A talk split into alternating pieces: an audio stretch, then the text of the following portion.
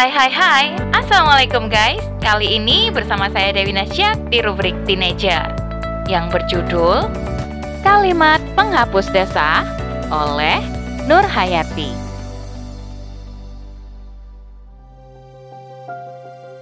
Masya Allah ya guys. Kalimat Subhanallah wa bihamdihi Subhanallahil azim. Ini dikabarkan oleh Rasulullah SAW sebagai suatu ketaatan yang sangat ringan mudah sekali diucapkan oleh lisan kita. Akan tetapi, amalan yang ringan ini memiliki nilai begitu besar dan memberatkan timbangan amal saleh kita di akhirat kelak. Selengkapnya, jangan ke mana-mana, tetap pantengin podcast Narasi Pos Media. Narasi Pos, cerdas dalam literasi media, bijak menangkap peristiwa kunci.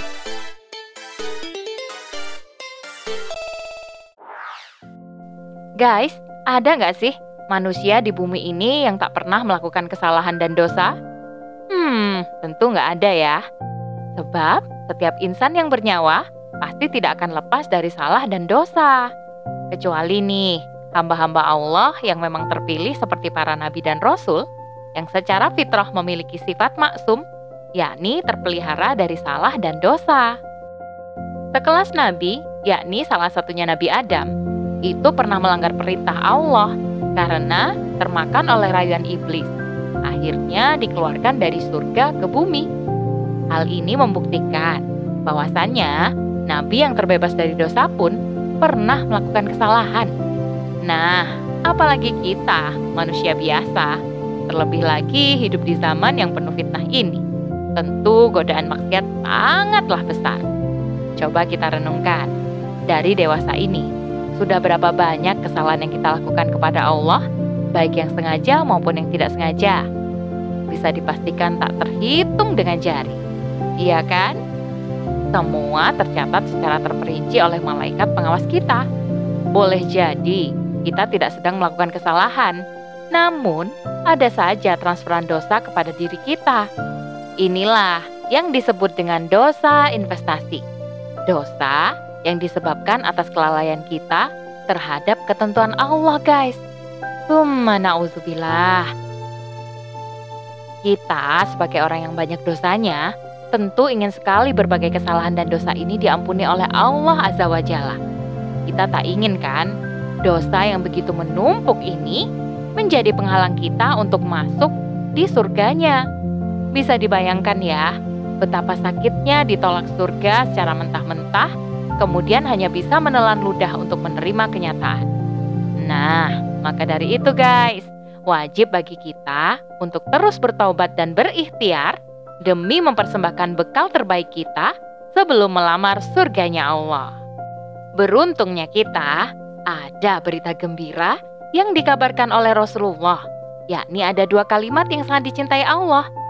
Bahkan zikir ini termasuk zikir terbaik yang paling utama setelah Al-Quranul Karim. Dalam sebuah hadis yang masyur, kita telah mengetahui bahwasannya Nabi Muhammad SAW bersabda, dua kalimat yang ringan di lisan, namun berat di timbangan dan dicintai oleh Allah Ar-Rahman, yaitu Subhanallah wa bihamdihi Subhanallahil Azim. Maha suci Allah dan segala puji baginya, Maha suci Allah yang Maha Agung. Hadis riwayat Bukhari nomor 6682 dan hadis Muslim nomor 2694. Masya Allah ya guys, kalimat subhanallah wa bihamdihi subhanallahil azim ini dikabarkan oleh Rasulullah sebagai suatu ketaatan yang sangat ringan.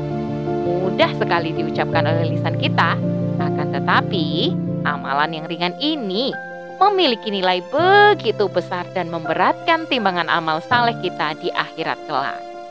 Ini menunjukkan bahwa Rasulullah mengajarkan pada umatnya bahwa ritual-ritual dalam agama Islam ini sebenarnya sudah dimudahkan sekali oleh Allah Azza wa Jalla. Maka, yuk kita amalkan. Baca dua kalimat ini semaksimal mungkin. Dalam hadis lain, dikatakan bahwa Rasulullah bersabda kepada Abu Zar Al-Ghifari, Maukah kau kuberitahu kalimat yang paling dicintai Allah Subhanahu wa taala? Mendengar hal tersebut, sahabat sangat antusias, menginginkan ilmu tersebut. Maka Rasulullah pun bersabda, Sesungguhnya ucapan yang paling disukai Allah Subhanahu wa taala adalah subhanallah wa bihamdihi. Maha suci Allah dan segala puji hanya baginya. Nah, dari dua hadis di atas dapat disimpulkan bahwasannya ada dua kalimat yang dicintai Allah. Pertama versi lengkap subhanallah wa bihamdihi subhanallahil azim. Kedua, versi singkat subhanallah wa bihamdihi. Secara mutlak, ijma para ulama menegaskan bahwa Al-Qur'an keutamaannya lebih besar daripada kalimat tasbih, tahmid, tahlil, dan takbir. Akan tetapi, di saat-saat senggang seperti sedang melakukan sesuatu, misalnya sedang jalan-jalan ke pantai, ngabuburit dengan teman, maka mungkin di antara kita ada yang susah membaca Al-Quran secara langsung dari mushaf. Maka bisa nih kita baca dua kalimat tersebut dengan sebanyak-banyaknya. Juga dalam hadis lain dari Abu Hurairah radhiyallahu an bahwa Rasulullah shallallahu alaihi bersabda, Barang siapa mengucapkan subhanallah wa bihamdihi, Maha suci Allah dan segala pujian hanya untuknya sehari seratus kali, maka kesalahan-kesalahannya akan terampuni, walaupun sebanyak buih di lautan. Hadis riwayat Bukhari nomor 6405. Subhanallah, bisa bayangkan guys, buih atau busa yang ada di sepanjang lautan tak bakal bisa terhitung loh oleh kita Kalaupun dosa-dosa kita sebanyak buih-buih yang ada di lautan terombang-ambing oleh ombak, maka Allah hapuskan dengan bacaan subhanallah wa bihamdihi yang dibaca seratus kali dalam sehari. Di samping itu, Rasulullah mengajarkan kepada umatnya untuk membaca kalimat ini di setiap pagi dan petang. Bayangkan, jika dibaca di dua waktu tersebut, maka kita sudah membaca 200 kali dalam sehari. Masya Allah ya guys. Harapan kita kepada Allah Ar-Rahim, kemahaluasan ampunannya terbentang untuk kita bertaubat kepada Allah. Maka jangan pernah putus asa dari rahmat Allah. Kita amalkan zikir ini minimal 100 kali dalam sehari. Lebih dari itu, maka kemuliaannya insya Allah jauh lebih besar. Nah, yuk di bulan Ramadan yang penuh kemuliaan ini, kita perbanyak dengan membaca Al-Quran dan zikir kepada Allah. Semoga Allah taala mengampuni segala dosa dan kesalahan kita semua. Amin. Allahumma amin. Wallahu a'lam bisawab. Segitu dulu ya guys rubrik teenager kali ini. Saya Dewi Nasyak, pamit undur diri. Sampai ketemu di rubrik teenager selanjutnya. Wassalamualaikum warahmatullahi wabarakatuh. See you.